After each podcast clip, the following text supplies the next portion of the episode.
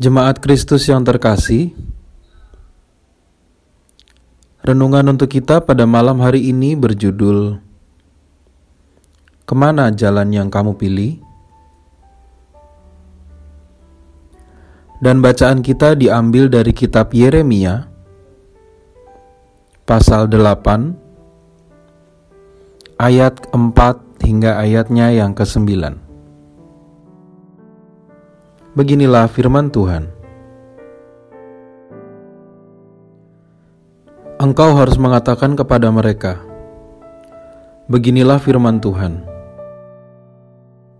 Apabila orang jatuh, masakan ia tidak bangun kembali? Apabila orang berpaling, masakan ia tidak kembali? Mengapakah bangsa ini berpaling, berpaling terus-menerus? Mereka berpegang pada tipu. Mereka menolak untuk kembali. Aku telah memperhatikan dan mendengarkan. Mereka tidak berkata dengan jujur.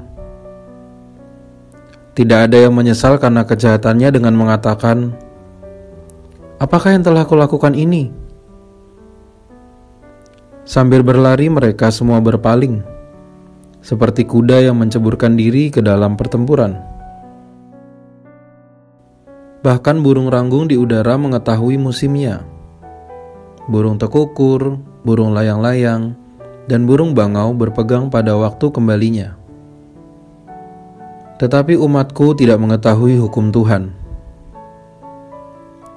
Bagaimanakah kamu berani berkata, "Kami bijaksana dan kami mempunyai Taurat Tuhan"? Sesungguhnya pena palsu menyurat sudah membuatnya menjadi bohong. Orang-orang bijaksana akan menjadi malu, akan terkejut dan tertangkap. Sesungguhnya mereka telah menolak firman Tuhan, maka kebijaksanaan maka kebijaksanaan apakah yang masih ada pada mereka?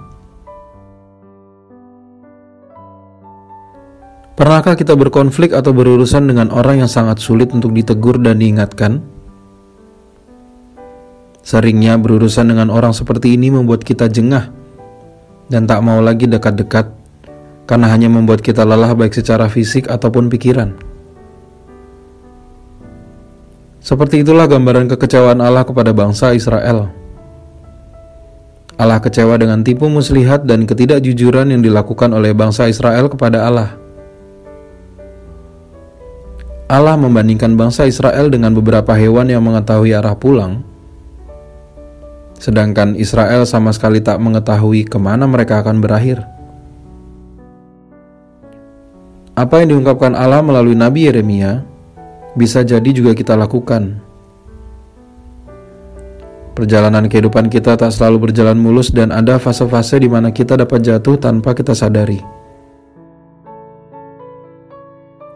Dibutuhkan sikap terbuka dari diri kita sendiri.